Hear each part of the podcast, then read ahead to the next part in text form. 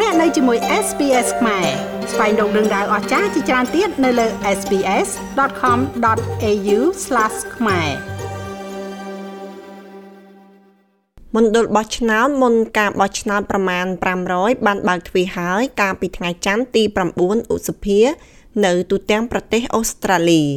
ហើយនៅឆ្នាំនេះគណៈកម្មការរៀបចំការបោះឆ្នោតអូស្ត្រាលីកំពុងប៉ាន់ប្រមាណថា ប្រហែលពាក់កណ្ដាលនៃអ្នកបោះឆ្នោតដែលបានចុះឈ្មោះនឹងធ្វើការជ្រើសរើសរបស់ពួកគេមុនថ្ងៃបោះឆ្នោតនៅថ្ងៃទី21ខែឧសភាយុទ្ធនាការមានភាពមមាញឹកសម្រាប់អ្នកនយោបាយប៉ុន្តែអ្នកដែលបានចុះឈ្មោះបោះឆ្នោត កាន់តែច្រើនឡើងកំពុងជ្រើសរើសធ្វើដូច្នេះមុនពេលយុទ្ធនាការទាំងនោះត្រូវបានបញ្ចប់ហើយមានហេតុផលជាច្រើនខ្ញុំមានបញ្ហាសុខភាពដូច្នេះហើយបានជាខ្ញុំមកខ្ញុំតែងតែបោះឆ្នោតមុនពេលពីព្រោះខ្ញុំម្ដងឈឺម្ដងជាខ្ញុំបោះឆ្នោតទាន់ពេលព្រោះខ្ញុំនឹងចេញដំណើរទៅអឺរ៉ុបនៅថ្ងៃប្រហ័សដូច្នេះខ្ញុំនឹងមិនទៅអូស្ត្រាលីទេពេលបោះឆ្នោតយើងតែងតែធ្វើអញ្ចឹងយើងតែងតែធ្វើការបោះឆ្នោតមុន ដោយសារជំងឺ Covid-19 នៅតែដិតជាប់នៅក្នុងចិត្តរបស់ប្រជាពលរដ្ឋជាពិសេសគឺការបោះឆ្នោតលើកនេះអាចនឹងឃើញអ្នកបោះឆ្នោតជាច្រើនអ្នកជ្រើសរើសធ្វើដូច្នេះមុននឹងភាពប្រញាប់ប្រញាល់ខ្លាំងពេកនៅថ្ងៃបោះឆ្នោត Fiona Martin ដែលជាបេក្ខជនសេរីនិយម នៅក្នុងកៅអីរបស់ Red យល់ពីមូលហេតុដែលជនជាតិអូស្ត្រាលីជាច្រើនអ្នកជ្រើសរើសទៅបោះឆ្នោតមុនថ្ងៃបោះឆ្នោតដោយសារថាជំងឺរាតត្បាតខ្ញុំគិតថាមនុស្សភាគច្រើនប្រហែលជាមានអារម្មណ៍ស្រួលជាងនៅក្នុងការមកបោះឆ្នោតមុនការកំណត់ដូច្នេះពួកគេមិនបាច់ទៅក្នុងវងមនុស្សជាច្រើននៅថ្ងៃបោះឆ្នោតនោះទេខ្ញុំពិតជាគិតថាវាគឺជាកត្តាជំរុញឲ្យមកបោះឆ្នោតមុនការកំណត់ការបោះឆ្នោតមុនកាលកំណត់មានការកើនឡើងគួរឲ្យកត់សម្គាល់ក្នុងប៉ុន្មានឆ្នាំចុងក្រោយនេះ។ ក្នុងឆ្នាំ2013ជាមួយភាគ4នៃអ្នកចុះឈ្មោះបោះឆ្នោតបានធ្វើដូច្នេះមុនថ្ងៃបោះឆ្នោត3ឆ្នាំក្រោយមកបានកើនឡើង75%ហើយនៅឆ្នាំ2019វាបានកើនឡើងលើសពី40% Evan Ekin Smith គឺជាអ្នកនាំពាក្យរបស់គណៈកម្មការបោះឆ្នោតអូស្ត្រាលី ហើយគាត់ជឿជាក់ថានិន្នាការនេះនឹងបន្តនៅក្នុងការបោះឆ្នោតនាពេលនេះជាការប៉ັດណាស់យើងកំពុងរៀបចំការបោះឆ្នោតនេះនៅក្នុងជំងឺរាតត្បាត COVID ប្រសិនបើអ្នករួមបញ្ចូលគ្នារវាងការបោះឆ្នោតតាមប្រេសនីនិងការបោះឆ្នោតមុនថ្ងៃបោះឆ្នោតសម្រាប់ការបោះឆ្នោតសហព័ន្ធកាលពីលើកមុនគឺនៅក្នុងឆ្នាំ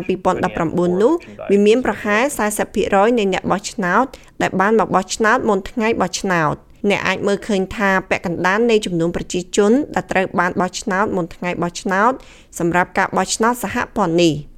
មេដឹកនាំគណៈបកធំធំ2បានទទួលស្គាល់ការបោះឆ្នោតមុនកាលកំណត់មេដឹកនាំគណៈបក Labor លោក Anthony Albanese កំពុងធ្វើយុទ្ធនាការនៅទីក្រុង Adelaide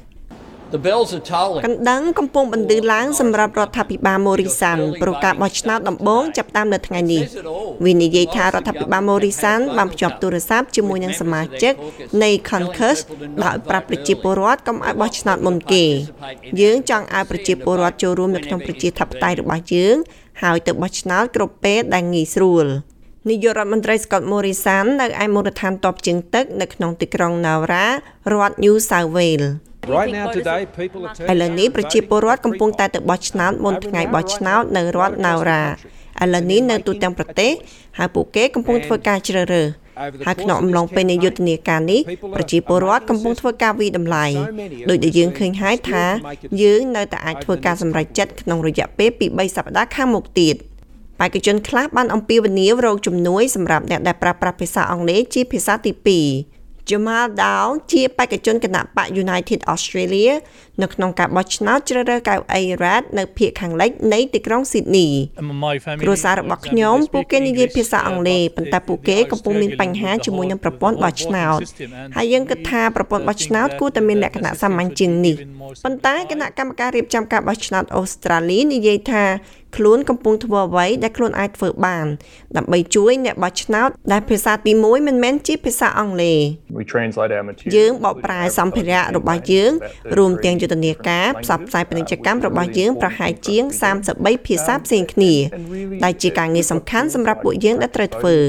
ហើយវាគឺជាការពិតណាស់យើងបានដាក់នៅការអនុវត្តឧបករណ៍បោះឆ្នោតនៅលើគេហទំព័រនិងសម្ភារៈជាច្រើនដែលបញ្យល់អំពីការបោះឆ្នោតអត្ថបទនេះរៀបចំដោយ John Bodock